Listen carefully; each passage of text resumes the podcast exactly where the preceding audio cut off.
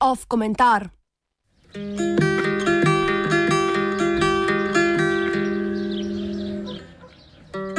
Eolski modi.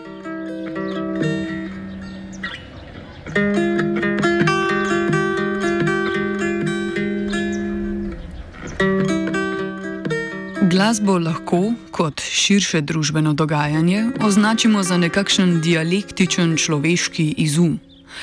Ključne vloge v njej namreč ne igrajo posamezni toni, ampak razmerja med njimi. Različne sekvenčne, frekvenčne razdalje med toni, tako imenovani intervali in iz njih sestavljeni kompleksnejši akordi, so tisti, ki v poslušalcih v resnici ustvarjajo občutke in doživljanja. Ob tem dognanju moramo hkrati razumeti, da za delovanje glasbe potrebujemo neko sidrno točko, na katero se celotna kompozicija navezuje. Močna zasidranost v izvirnem tonu nam omogoča, da okrog njega ustvarimo sistem, ki s svojimi specifičnimi razmerji do osnovnega sidrnega tona ustvarja glasbeno ozračje. thank you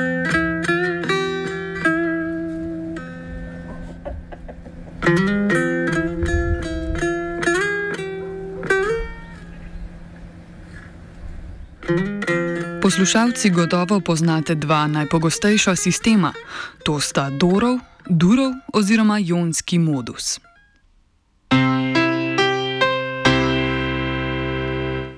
In Molov oziroma Eolski modus.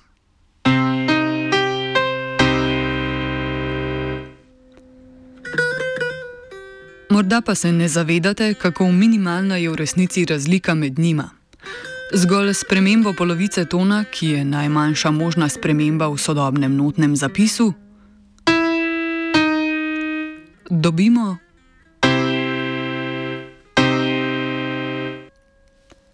Celotni glasbeni sistem se lahko tako z minimalno spremembo enega njegovega sestavnega dela drastično spremeni in tonalno potemni. Da z glasbeno analogijo ne zatavamo predaleč, lahko gotovimo, da podobno velja tudi za druge človeško ustvarjene sisteme, kot je politični. Takšno potemnitev lahko v zadnjem desetletju spremljamo v indijski notranji in zunanji politiki. thank you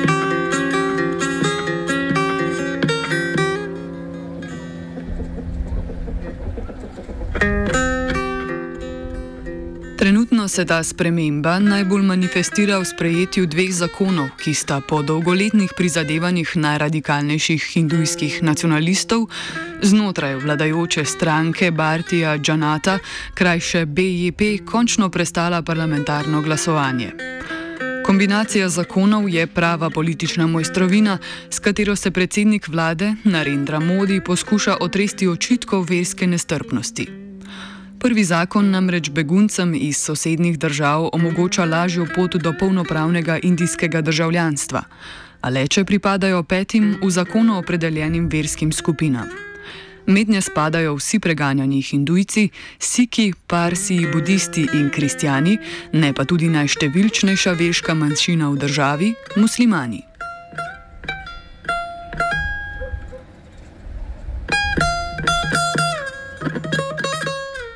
Zakon po mnenju njegovih zagovornikov ni izključujoč do muslimanov, saj opredeljuje le dodatne pravice za preganjanje člane verskih manjšin v sosednjih državah. Za muslimane pa naj bi poskrbele druge večje muslimanske države v okolici. Ker zakon ne izključuje, ampak le podeljuje več pravic, naj ne bi bil ustavno sporen. Izključujoči element zakonodajnega predloga pa predstavlja drugi sprejeti zakon, ki določa nov državni registr državljanov. Z njim namerava vlada podpisati vse prebivalce države in jim jasno določiti status državljanstva.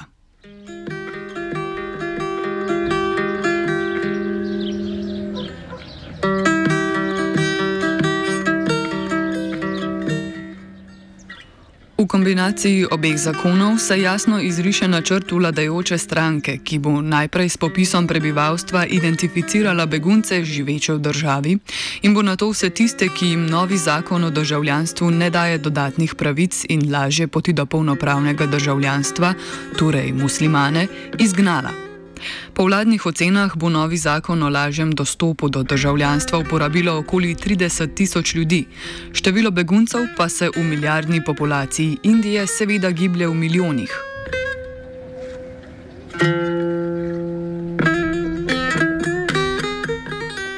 Navedba predsednika vlade, da bodo za muslimane že poskrbele večje muslimanske države v okolici, je seveda skrajno naivna in zavajajoča. Primera Rohing in Ujgurov kažeta na akutno problematiko muslimanskih manjšin v regiji. Najbolj v nebo upijoč o nerealnosti takšnih pričakovanj pa je primer Ahmadijev v Pakistanu. Ta muslimanska sekta je namreč v državi hudo preganjena in označena za krivoverno, kljub temu, da spada pod okrilje muslimanske vere in je novi indijski zakon zato ne bi zaščitil.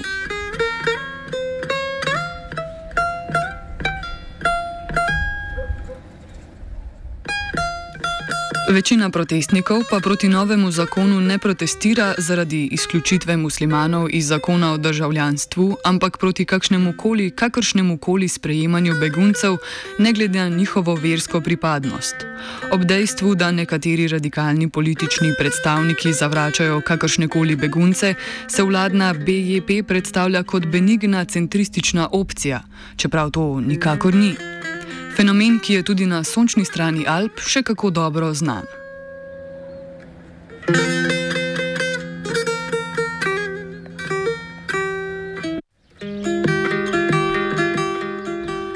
Zakona o državljanstvu in državnem registru predstavljata srčiko političnega programa radikalne nativistične struje znotraj vladajoče stranke, ki v zadnjih letih pridobiva na veljavi.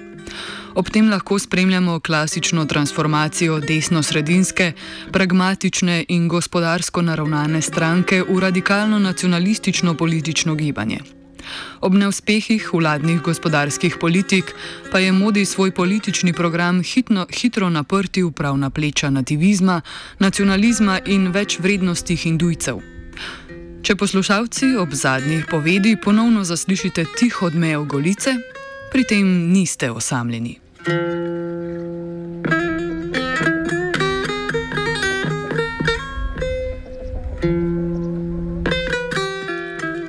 Ključna pri političnem uspehu strankinega desnega obrata je bila dinamika med navidez centrističnim in zmernim predsednikom vlade in nativističnimi skrajneži, ki so sicer z izjavami o izgonu infiltratorjev in zločincev delovali izven uradnih okvirov vladajoče stranke, a pomembno so ustvarjali njen navidezno-sredinski politični obraz. Tam, kjer murke cvetu, tam, kjer ptički pojejo, lepi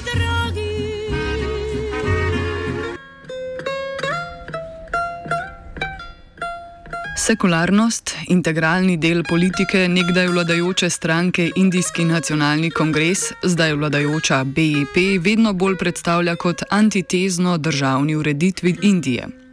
Kot pri glasbenih modusih začetka našega razmišljanja, pa pri tem ne gre za drastičen odklon od tradicionalne indijske politične misli, ki je vedno poveličevala kulturno tradicijo hindujcev in njihovo centralno vlogo pri osamosvojitvi izpod muslimanskih in britanskih vladarjev. Treba je le odstraniti ustavno zagotovljeno sekularnost države in nadzorovati medijski prostor, pa dobimo zdajšnje politično ozračje v državi.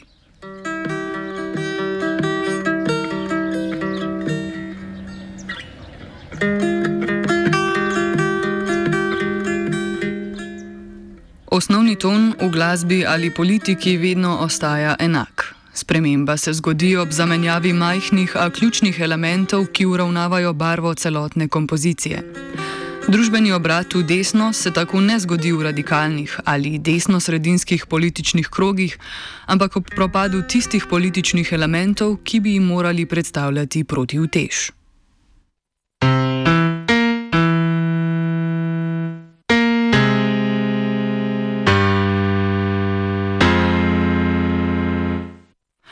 Komentiral je Koruza.